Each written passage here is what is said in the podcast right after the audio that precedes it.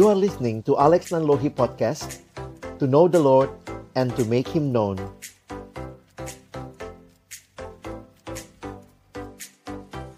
Ya kita berdoa sekali lagi sebelum kita membaca merenungkan firman Tuhan. Kami kembali bersyukur karena Tuhan baik dan menyatakan kebaikan-Mu dalam hidup kami. Terima kasih, kasih setiamu sungguh boleh kami alami sampai di sini. Tuhan menolong kami. Dan ke depan pun kami percaya Tuhan tetap hadir dan menyertai kami. Kami kembali akan membuka firman-Mu. Kami mohon bukalah juga hati kami Jadikanlah hati kami seperti tanah yang baik, supaya ketika benih firman-Mu ditaburkan itu boleh sungguh-sungguh berakar, bertumbuh, dan juga berbuah nyata dalam hidup kami. Berkati hambamu yang menyampaikan, semua kami yang mendengar, Tuhan tolong kami, agar kami bukan hanya jadi pendengar-pendengar firman yang setia, tapi mampukanlah dengan kuasa, dengan pertolongan dari rohmu yang kudus, kami dimampukan menjadi pelaku-pelaku firman-Mu di dalam hidup kami, di dalam masa muda kami. Bersabdalah ya Tuhan, kami anak-anakmu sedia mendengarnya. Dalam satu nama yang kudus, nama yang berkuasa, nama Tuhan kami Yesus Kristus, kami menyerahkan pemberitaan firman-Mu. Amin. Ya, kembali kita bersyukur buat kesempatan ini. Kalian akan coba share screen dari apa yang saya siapkan dalam uh, sesi yang kedua yang saya bawakan hari ini.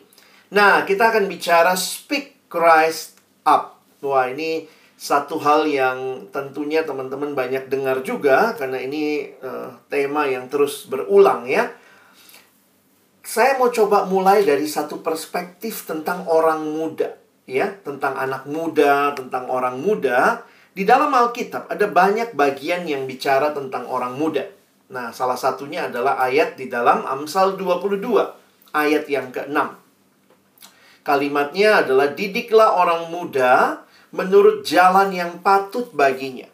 Maka pada masa tuanya pun ia tidak akan menyimpang daripada jalan itu.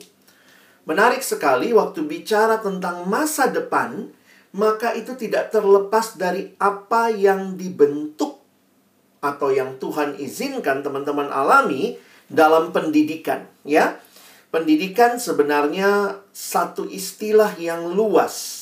Ya, kenapa? Karena pendidikan bukan hanya pengajaran. Makanya kalau lihat ayat ini tidak dibilang ajar ya dalam arti memberi pengetahuan, tetapi didiklah. Dalam terjemahan bahasa Inggris kalimatnya menarik ya.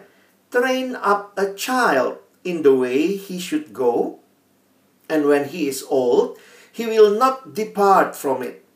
Nah, teman-teman perhatikan, bahwa kata yang dipakai adalah train up.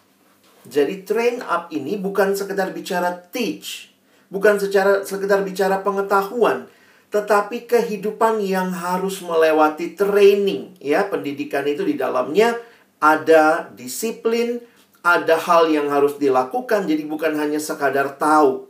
Nah, ini nasihat Alkitab. Dan kita tentunya bersyukur di dalam membentuk orang muda, Kak Alex uh, selalu ingat ada segitiga ya yang terkait satu sama lain, yaitu antara keluarga, sekolah, dan gereja. Nah, harusnya ini akur ya, karena anak ya semua dari keluarga. Lalu kemudian juga sekolah, anak banyak menghabiskan waktu di sekolah, nanti mungkin di kampus, tapi juga kalau kalian orang yang datang ke gereja, maka ini terkait juga dengan komunitas di dalam gereja. Jadi, saya harap kita tidak melihat apa yang kita capai sampai hari ini. Teman-teman sudah kelas 12, sebentar lagi akan melangkah maju. Ini cuma sekadar sebuah proses biasa. Tetapi kalau kita soroti dalam terang firman Tuhan, ini adalah sebuah proses pendidikan yang Tuhan sedang kerjakan dan telah kerjakan bagimu. Dan masuk dalam sebuah tahap hidup yang baru itulah yang kita ingat tadi ya. Maka pada masa tuanya pun ia tidak akan menyimpang daripada jalan itu. Jadi ketika semua sudah dibangun dengan sangat baik maka ingatlah ini menjadi bekal utama untuk kamu masuk ke dalam masa depan ya jadi saya harap kalian tidak melupakan ya baik orang tua, keluarga yang Tentu masing-masing punya kekurangan, punya kelemahan, tetapi juga mau yang terbaik buat anak. Lalu sekolah yang juga sekarang terus membekali kamu ya sampai ada rekoleksi seperti ini untuk juga menolong kamu ke depan akan seperti apa nih? Dan juga gereja tentunya yang terus di mana kamu bisa bersekutu dan bertumbuh.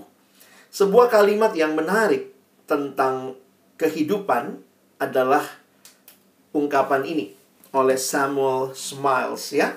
Dia berkata begini, menabur pikiran menuai tindakan.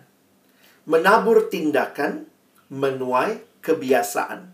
Menabur kebiasaan menuai karakter dan menabur karakter menuai masa depan. Jadi hidup itu bukan cuma sekadar kamu dapat ijazah, kamu lulus dari sekolah, tetapi lebih lagi Apakah juga karaktermu semakin terbentuk?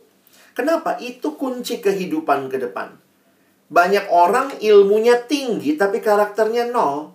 Karena mungkin dalam proses pembentukan karakter yang harusnya terjadi dengan baik, ya dia tidak lewati dengan baik.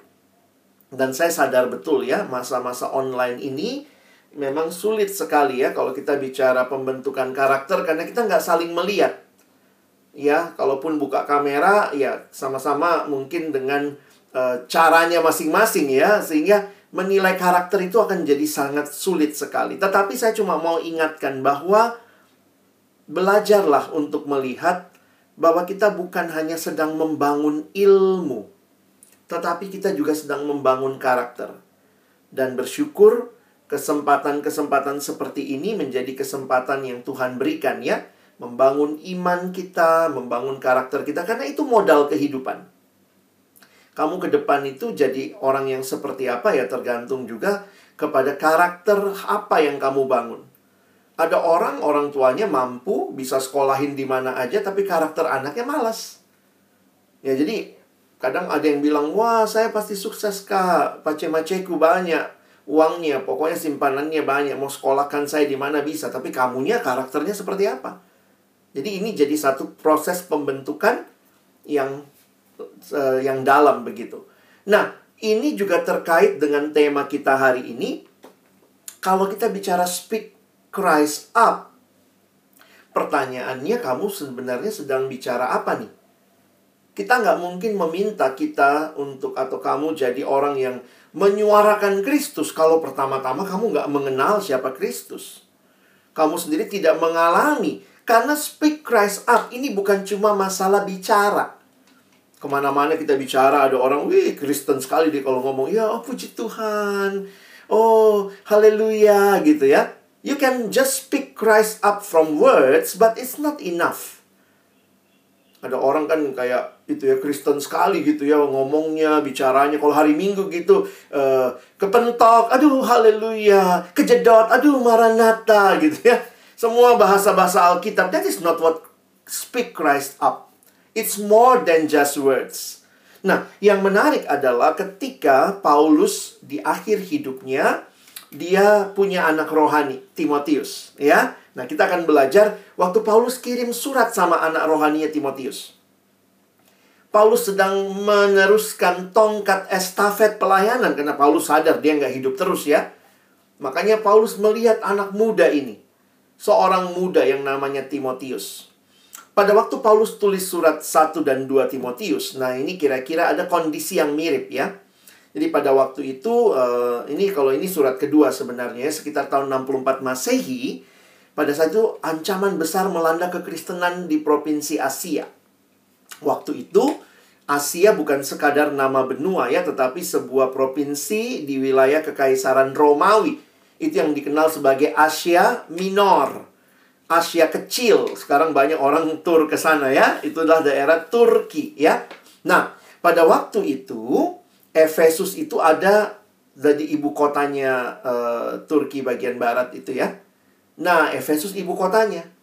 Waktu itu apa yang terjadi? Nah, ini kalau lihat peta ya, kalian senang pakai peta. Roma di sebelah kiri atas. Nah, Paulus lagi ada di penjara Roma. Paulus tulis surat kepada Timotius yang ada di Efesus. Lihat. Efesus itu di Asia. Nah, itu ada kota Efesus. Nah, apa sih tantangannya? Wah, waktu saya pelajari ini menarik teman-teman ya. Ada dua tantangan, ada ancaman. Pertama, dari luar. Dari luar jadi orang Kristen waktu itu nggak mudah. Karena ada aniaya dari pihak-pihak yang benci sama Tuhan Yesus dan juga benci sama pengikutnya. Yang lucunya, mereka dibenci justru karena hidupnya benar. Lucu ya. Orang hidup benar, hidup baik malah dibenci. Makanya orang-orang waktu itu yang menyembah berhala, hidupnya seks, seksual morality-nya jelek, mereka tuh merasa, wah kenapa ini hidupnya kudus-kudus banget gitu ya. Nah, maka mereka diancam. Lalu ada ancaman dari dalam. Dari dalam gereja pada waktu itu ternyata ada masalah pengajaran sesat. Jadi bayangkan, kekristenannya mengalami ancaman luar dan dalam. Paulusnya lagi di mana? Paulusnya lagi di penjara. Maaf, ini kartun Korea ya. Kak Alex waktu itu nyari-nyari ada kartun Korea ini tentang Paulus Timotius ya. Makanya maaf Paulusnya sipit tuh ya. Paulus lagi di penjara tuh ya. Lagi diikat di situ.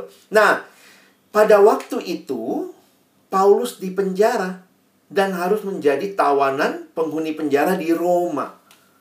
Jadi teman-teman bisa membayangkan Paulus di penjara Roma, lalu kemudian kekristenan waktu itu ancaman luar dan dalam, Lalu Paulus tulis surat sama Timotius. Kira-kira apa isi suratnya ya? Nah, isi suratnya kira-kira yang seperti tema kita ya. Timotius, ini situasi sedang genting. Waktu itu ada ancaman dari luar, ada ancaman dari dalam. Aku pun lagi di penjara, tapi kamu Timotius jangan berhenti. Speak Christ up. Jadi sebenarnya kalau kalian mengerti tema kita, sama kayak tadi ya, Ebenezer itu bukan tiba-tiba sampai di sini Tuhan menolong karena banyak pergumulan yang sudah dilalui. Waktu kita pun belajar speak Christ up konteksnya waktu itu Paulus lagi bicara kepada Timotius bukan dalam situasi yang senang semata. Kadang-kadang gampang ya kalau bicara speak Christ up nggak ada tantangan. Ayolah ngomong, wah Tuhan Yesus baik. Tapi kalau kamu sedang berada dalam situasi yang sulit, maka apa pilihan kita? Nah, di sinilah ayat penting ini berlaku. Karena ini isi surat Paulus. Dari penjara Roma, Paulus tulis kepada anak rohani, rohania Timotius. Isi suratnya bukan Timotius, e, berkemaslah, pulanglah ya, sudahlah, habis kekristenan, selesai kekristenan. Tetapi Paulus berkata kalimat ini. Jangan seorang pun menganggap engkau rendah karena engkau muda saya pikir Paulus berani ngomong begini karena dia sudah train Timotius ya. Dia udah train. Ini Timotius hasil training gitu ya. Jadi kalau kalian juga misalnya nanti anak SDH Makassar kuliah ke mana, wah kalian harus bangga bahwa sekolahmu tiga tahun ini atau kalau kamu udah di TK sudah di Dian Harapan, sekolahmu sudah bentuk kamu luar biasa to speak Christ Jangan seorang pun menganggap engkau rendah karena engkau muda, kata Paulus sama Timotius. Jadi Timotius waktu itu masih muda teman-teman ya. Sebenarnya masih mudanya juga nggak muda-muda amat kalau hitungan model kita.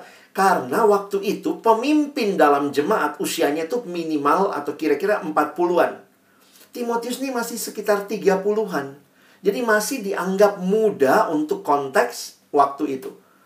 Nah, apa yang Paulus katakan, jangan seorang pun menganggap engkau rendah karena engkau muda. Tetapi lihat, jadilah teladan. Jadi bukan dibilang, jangan kau direndahkan, tetapi kamu sendiri nggak punya kualitas. Paulus bilang kamu punya kualitas, karena itu jadilah teladan.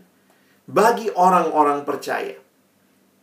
Lalu dia bicara, dalam perkataanmu, dalam tingkah lakumu, dalam kasihmu, dalam kesetiaanmu, dan dalam kesucianmu. Bayangkan teman-teman, di tengah-tengah situasi yang sulit, bukan berhenti bukan mundur, bukan lari dari kenyataan, tetapi tetap jadi teladan. That is what Speak Christ Up is all about. Be an example for others. Teman-teman, kalimat dalam bahasa Inggris sebenarnya waktu Kak Alex bandingkan gitu ya. Coba lihat. Let no one despise you for your youth, but set the believers an example. Lalu dia mulai masuk in speech, in conduct, in love, in faith, and in purity. Nah, mungkin sedikit berbeda terjemahan karena bahasa Indonesia. Coba lihat yang bedanya di mana? Speech sama. In conduct, benar ya dalam uh, kelakuanmu. In love, nah mungkin bahasa Indonesia pakainya in faith, Indonesia pakai ini. Kesetiaan. Jadi kesetiaan itu terkait dengan iman. Ya karena bahasa Inggris sebenarnya menggunakan in faith and in purity. Bisa lihat ya. Set an example in speech, in conduct, in love, in faith, and in purity. Indonesia dalam perkataan, benar ya, dalam tingkah laku, conduct, dalam kasih, in love, dalam kesetiaanmu. Nah, ini kaitannya sama iman. Setia di dalam iman, kira-kira begitu ya. Dan dalam kesucianmu, in purity.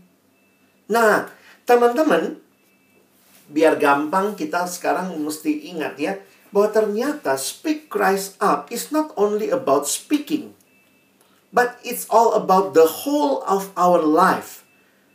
We should be an example, a living example. Ya. Makanya kalau kalian perhatikan, Kak Alex senang nih ya dengan kata jadilah teladan. Teladan itu akan berbicara lebih daripada sekadar perkataan. Karena lihat, kalau cuman perkataan, ya Paulus bilang aja, jadilah teladan dalam perkataanmu, titik. Tapi bukan hanya itu. Dalam tingkah lakumu. Orang akan lihat bukan cuma perkataanmu, bahkan your conduct, your action. Sebuah ilustrasi atau kalimat bijaksana bilang begini.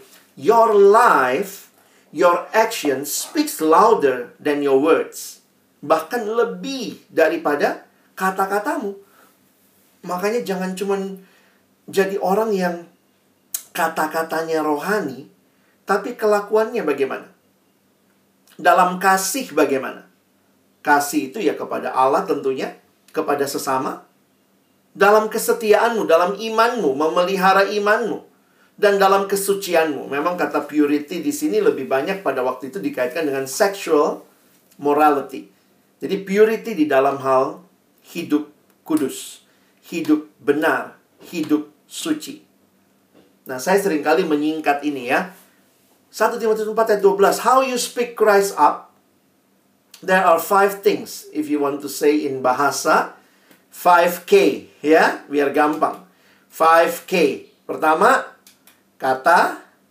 Kedua, kelakuan. Ketiga, kasih. Keempat, kesetiaan. Kelima, kesucian. Biar gampang ya. Memang jadinya kita potong sedikit dalam kata, dalam kelakuan, dalam kasih, dalam kesetiaan, dan dalam kesucian. Teman-teman, inilah hidup yang utuh. Hidup yang speak Christ up bukan cuma mulutnya. Tapi bagaimana tangannya, bagaimana matanya, ber, ya, melihat apa yang harus dilihat, Ya bukan nikmatin yang tidak harus dinikmati, pornografi, menikmati yang nggak benar, kelakuannya melakukan apa yang Tuhan mau, kasihnya terpancar, kesetiaannya untuk hidup di dalam iman juga jelas, maka this is the whole things of speak Christ up. Dan teman-teman, ini bukan pilihan, ya. Ya, karena apa? Dalam bahasa aslinya kalau kalian perhatikan ini perintah kata yang digunakan jadilah teladan. Jadi bukan ya mbok ya jadi teladan gitu ya. Bukan, ini bukan pilihan. Bukan suggestion. This is not a suggestion. This is an imperative. This is command. Ini perintah. Nah, jadi teman-teman coba hayati ya. Kenapa saya harus jelaskan tadi bahwa kamu adalah orang-orang yang sudah di training, sudah dibentuk karena speak Christ up itu nggak terjadi tiba-tiba. Nanti kalau masuk kampus, masuk dunia kuliah yang beda sekali sama dunia SMA, terus saya mesti jadi teladan. I should be an example. Mungkin kamu bilang, bagaimana sir? Bagaimana saya mesti jadi teladan? Jangan lupa, kau sudah di training. Apa trainingnya? Mungkin itu yang kau rasa membosankan. Bangun, saat teduh, devosi pagi sama-sama. That is something yang di training hari demi hari. Sehingga begitu memulai hari kita cari Tuhan, bukan tersekedar cari pelajaran. Kita set our hearts for God. And that sesudah itu Tuhan akan membangun kita lagi. Jadi teman-teman coba ingat ya, bahwa ini semua bukan perintah tanpa persiapan. Sebagaimana Paulus menyiapkan Timotius. Jadi waktu ke Alex cari-cari kan, waktu Paulus tulis surat 1 Timotius, Paulus itu sudah melayani Timotius kurang lebih uh, lebih dari 10 tahun. Jadi Paulus sudah sama-sama Timotius 10 tahun. Makanya Paulus sampai berani bilang, Timotius sekarang kau jadi teladan. Saya pikir Bapak Ibu guru juga ya, setelah mendidik kamu ya tiga tahun, ada yang mungkin dari SMP berarti sekitar 9, 6 tahun, ada yang mungkin dari SD, berarti sekitar sama seperti Timotius sama Paulus ya. Sekarang Bapak Ibu guru mau mengutus anak-anak kami, ya, anak-anak kita, dan mengatakan, jadilah teladan. Di mana pun kau berada, speak Christ up. Tapi itu bukan sesuatu yang diminta tanpa disiapkan. Apa yang kamu lihat, yang kamu alami, baik di rumah orang tua, baik di sekolah Bapak Ibu guru, baik di dalam gereja, komunitas, itu menjadi satu persiapan yang Tuhan berikan. Supaya teman-teman di mana pun nanti kamu ditempatkan, kamu jadi teladan.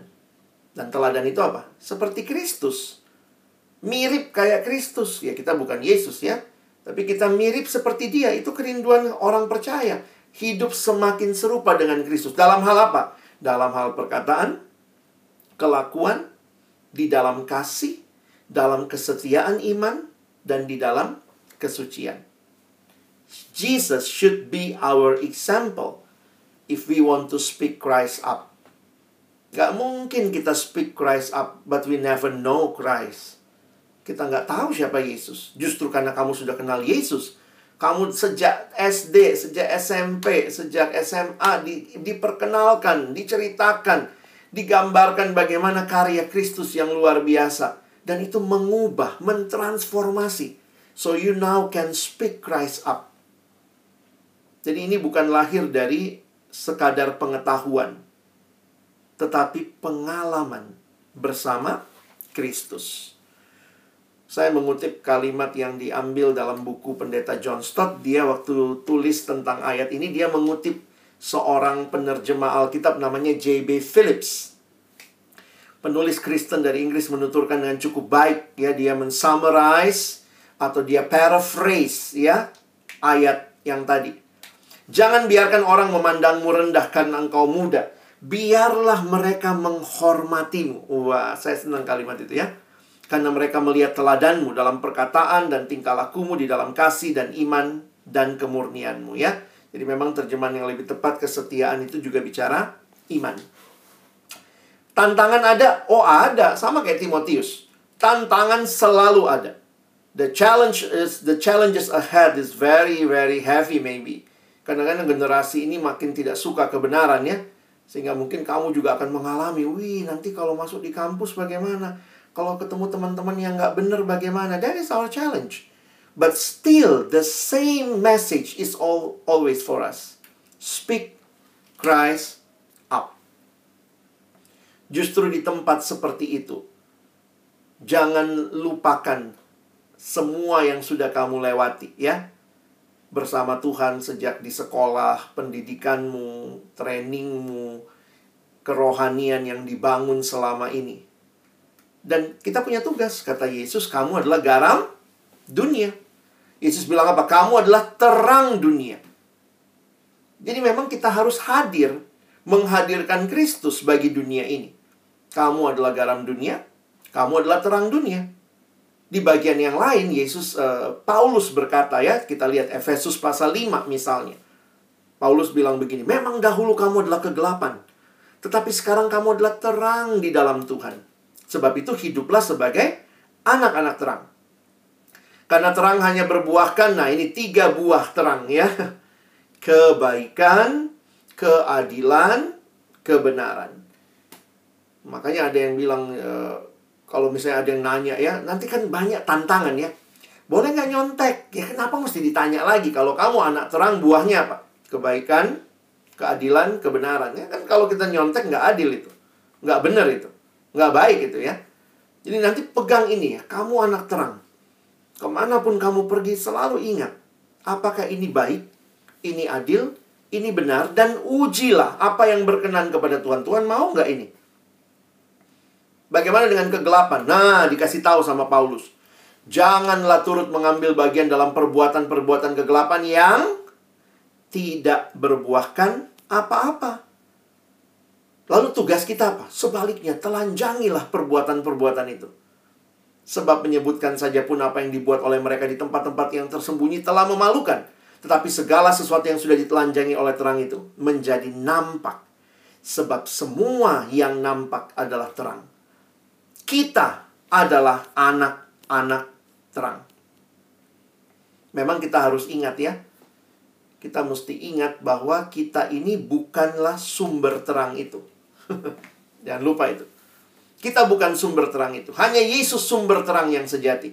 Karena itu bagaimana saya tetap bersinar? Nah, miliki relasi yang hidup dengan Yesus. Barulah kamu bisa jadi anak-anak terang. Makanya tadi ya, senang Kak Alex mendengar pertanyaan kalian. Kak, bagaimana saya tetap bisa dekat sama Tuhan? Bagaimana kalau saya punya pergumulan, saya bisa tetap ingat Tuhan? Nah, karena memang kita bukanlah sumber terang itu. Ya, tetapi ketika kita bersatu dengan Kristus, kita terima dia dalam hidup kita. Kita punya relasi dengan Tuhan. Tiap hari kita bisa punya wa wa waktu membaca merenungkan firman.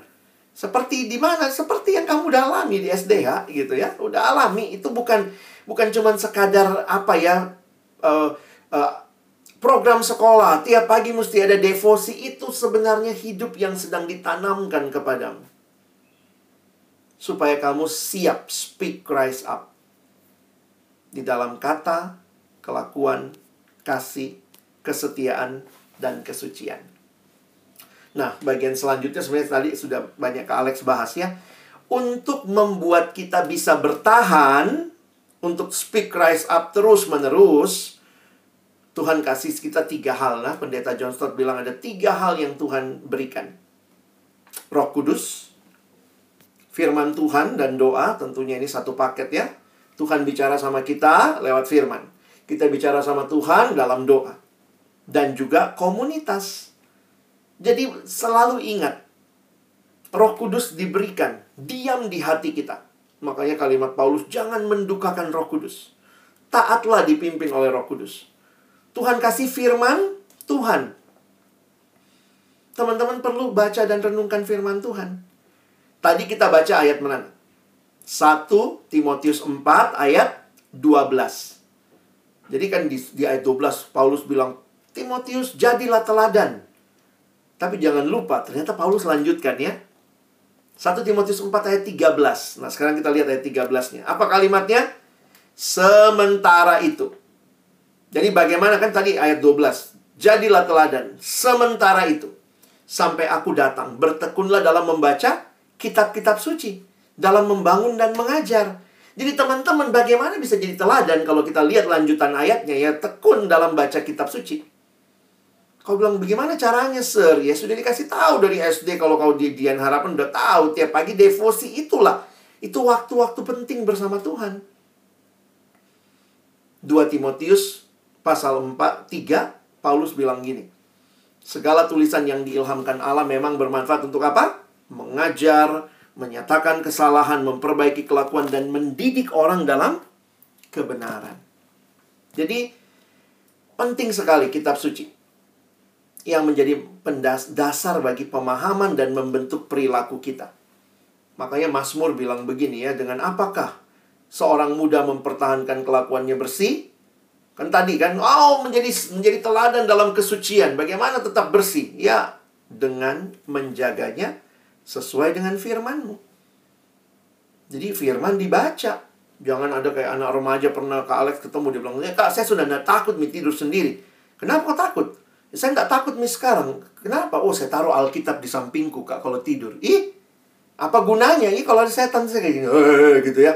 Saya nggak ada gunanya Alkitab begitu. Alkitab itu harus dibaca, direnungkan, dilakukan. Itu baru ada fungsinya. Jangan jadikan alas tidur gitu ya. Saya bilang kebanyakan nonton film Hollywood kau ya. Kau pikir Alkitab cuma buat oh setan eh gitu-gitu ya. Enggak. Lihat kalimat D.L. Moody. The Bible will keep you from sin or sin will keep you from the Bible. If you continue to live in sin, then you will not have a time or even um, desire to read your Bible. Ya. Dan membaca Alkitab setiap hari itu bukan untuk nambah pengetahuan ya, bukan cuma itu. Kita kan baca Alkitab itu bukan untuk ikut kuis Alkitab.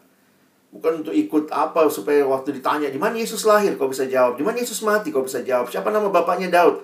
Bukan itu. Tujuannya Alkitab diberikan untuk mentransformasi hidup kita, mengubah hidup kita. Jadi ini kalimat Paulus sama Timotius, sembari kau tunggu aku, tekunlah dalam baca kitab suci. Nah, buat adik-adikku, aduh kak, bagaimana saya bertahan nanti? Ya ini, tekunlah membaca kitab suci. Saya mau speak Christ up, Kak. Kalau saya di kampus nanti, di mana pun saya mau speak Christ up. Bagaimana kuncinya? Tekun membaca kitab suci. Ingat ada roh kudus. Roh kudus memberikan firman. Sehingga waktu kita baca firman, roh kudus mengajari kita. Dan yang terakhir, we need community. Ada ayatnya ada. Tadi 4 ayat 12, 4 ayat 13, sekarang 1 Timotius 4 ayat 14. Perhatikan Paulus tidak minta Timotius seorang diri. Dia ingatkan Timotius dalam konteks community. Karena itu lihat perintahnya. Jangan lalai dalam mempergunakan karunia yang ada padamu. Yang telah diberikan kepadamu oleh nubuat dan dengan penumpangan tangan sidang penatua. Berarti di mana Timotius exercise karunia? Nggak ada orang melakukan karunia seorang diri. Karena karunia itu diberikan supaya dipakai membangun bersama. Makanya dalam 2 Timotius pasal 1 juga diingatkan ya. Kobarkan karunia Allah. Kobarkan the, the gift of God. Nah, the gift of God itu mesti di-exercise di dalam community. Makanya kalau lihat kalimat terjemahan lainnya, oleh karena itu saya mau mengingatkan kamu supaya kamu terus memanfaatkan dan meningkatkan kemampuan rohani yang diberikan Allah kepadamu pada saat saya meletakkan tangan atas kamu. Kemampuan itu seperti api yang tidak dibiarkan padam, tetapi perlu terus dinyalakan. Lihat lagi ayat 15.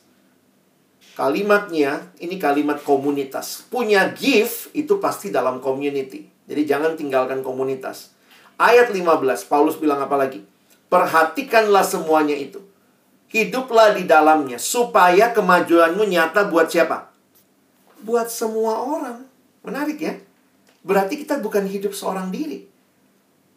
Perintah yang diberikan supaya kita tetap ada dalam komunitas dan kamu kelihatan maju. Siapa yang lihat? Orang-orang lain. Itu berarti kamu harus punya komitmen untuk terus bertumbuh. Ya. Nah, jadi Kak Alex mau simpulkan ya, we need to speak Christ up. Ini bukan masalah bicara, tetapi the whole life. Perkataan, kelakuan, ya kasih kesucian dan juga iman ya ke uh, kesetiaan. Maka bertumbuhlah. Ingat kita dipanggil jadi garam dan terang. Jadi nanti di mana pun kalian hadir harus jadi garam harus jadi terang. Bersaksi.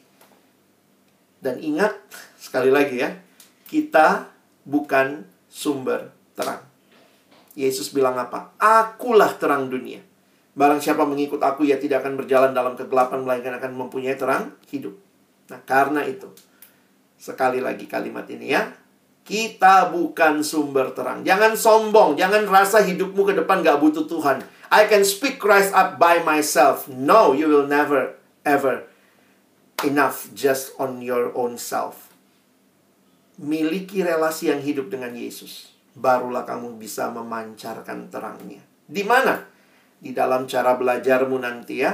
Kalian akan melanjutkan mungkin kuliah. Bergaulmu juga, you need to speak Christ up. Jangan biarkan orang lain yang mempengaruhi hidupmu, tapi jadilah influence bagi orang lain ya. Kita harus jadi Christ uh, influencer for Christ ya. Nanti kalau kalian sudah bekerja juga begitu. Ketemu alumni-alumni yang bekerja dengan nilai-nilai yang benar. Kenapa? Dari kecil udah ditanamkan.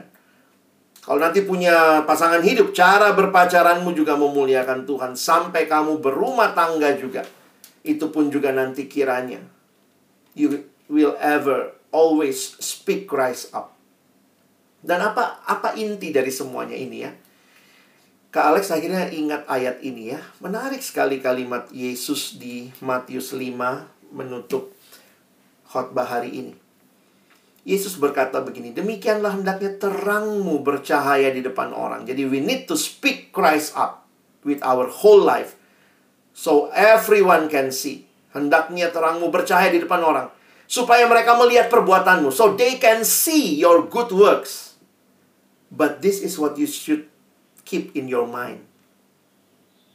At the end of the day, all the glory is not for you, but it's for our Father God in heaven. Kadang menarik ya, terangmu bercahaya, orang lihat kamu, harusnya kan kamu yang dimuliakan ya. Bagusnya kan begitu kan. Wih, lihat aku dong, I can speak Christ up. Lihat hidupku, aku jadi dampak buat banyak orang. But at the end of the day, it's not for your glory. It's for the glory of our Lord of God, our Father. Nah, di sini jadi menarik ya, bahwa akhirnya ke mana pun engkau pergi ke Alex Rindu, hidupmu adalah hidup yang memuliakan Allah. Maukah teman-teman, hari ini engkau diutus oleh Tuhan.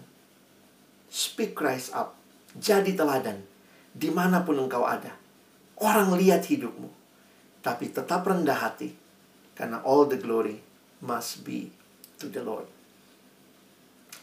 Mari ambil waktu tenang sebentar. Kalau di rumah lagi rame, coba cari tempat yang lebih tenang. Kak Alex kasih waktu satu menit. Kita doa pribadi dalam hati ya. Apa yang Tuhan ingatkan, apa yang Tuhan nyatakan lewat firman hari ini, biarlah kamu boleh terbuka di hadapan Tuhan. Nyatakan doa-doa pribadimu. Dan nanti Kak Alex akan memimpin doa pengutusan untuk mengutus semua kita di mana pun kita hadir to speak Christ up. Mari dengan waktu yang tenang, kalau ada banyak gangguan tinggalkan dulu sebentar. Kita mau fokus cari tempat yang tenang dan kita akan berdoa untuk mengutus teman-teman di akhir dari proses pembelajaranmu di sekolah ini Tuhan mau mengutus kamu to speak Christ up di dalam setiap perjalanan hidup kita ke depan.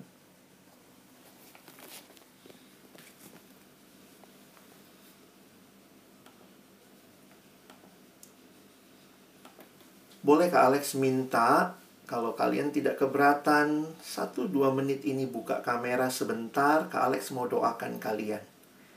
Kalau ada teman-teman yang tidak ada masalah di tempat yang tenang, kalian buka kamera. Saya mau doakan supaya kita benar-benar berserah sama Tuhan ya. Tuhan utus kita hari ini. Taruh tangan kanan kalian di dada. Sembari nanti Kak Alex akan memimpin dalam doa. Saya kasih waktu lagi.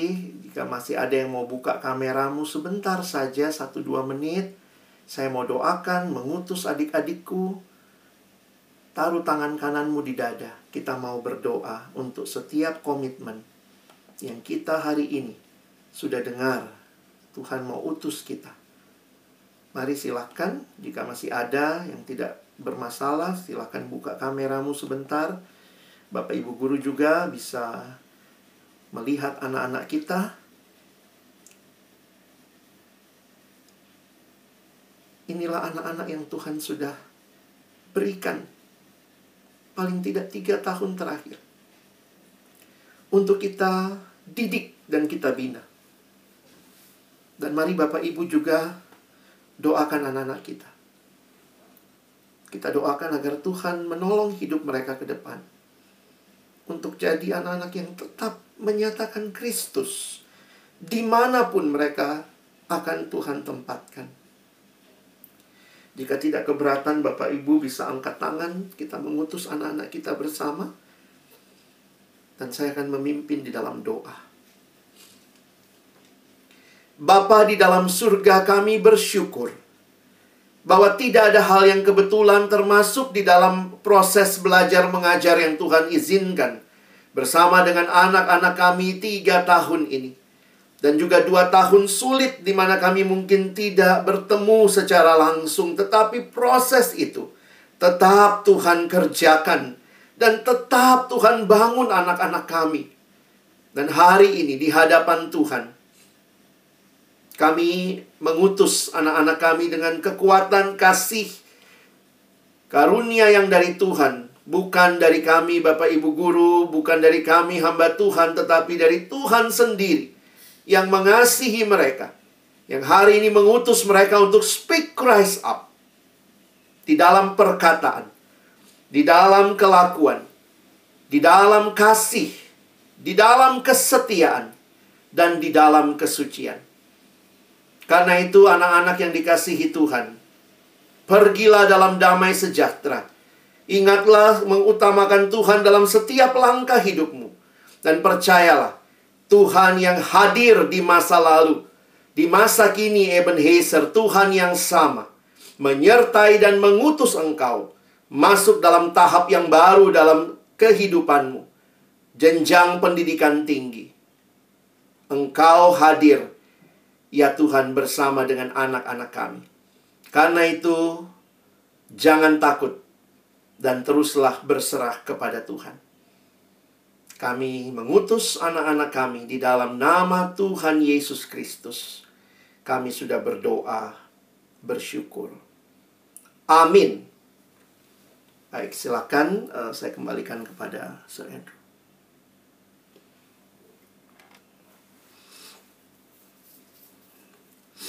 Oke, terima kasih Alex, terima kasih untuk pengutusannya, terima kasih juga buat anak-anak yang sudah mengaktifkan kamera. Kiranya lewat pengutusan ini kita semakin diteguhkan ya untuk menghadapi zona yang baru, langkah yang baru ya. Um, setelah kita akan mengakhiri ya tiga tahun di SDH ini. Oke.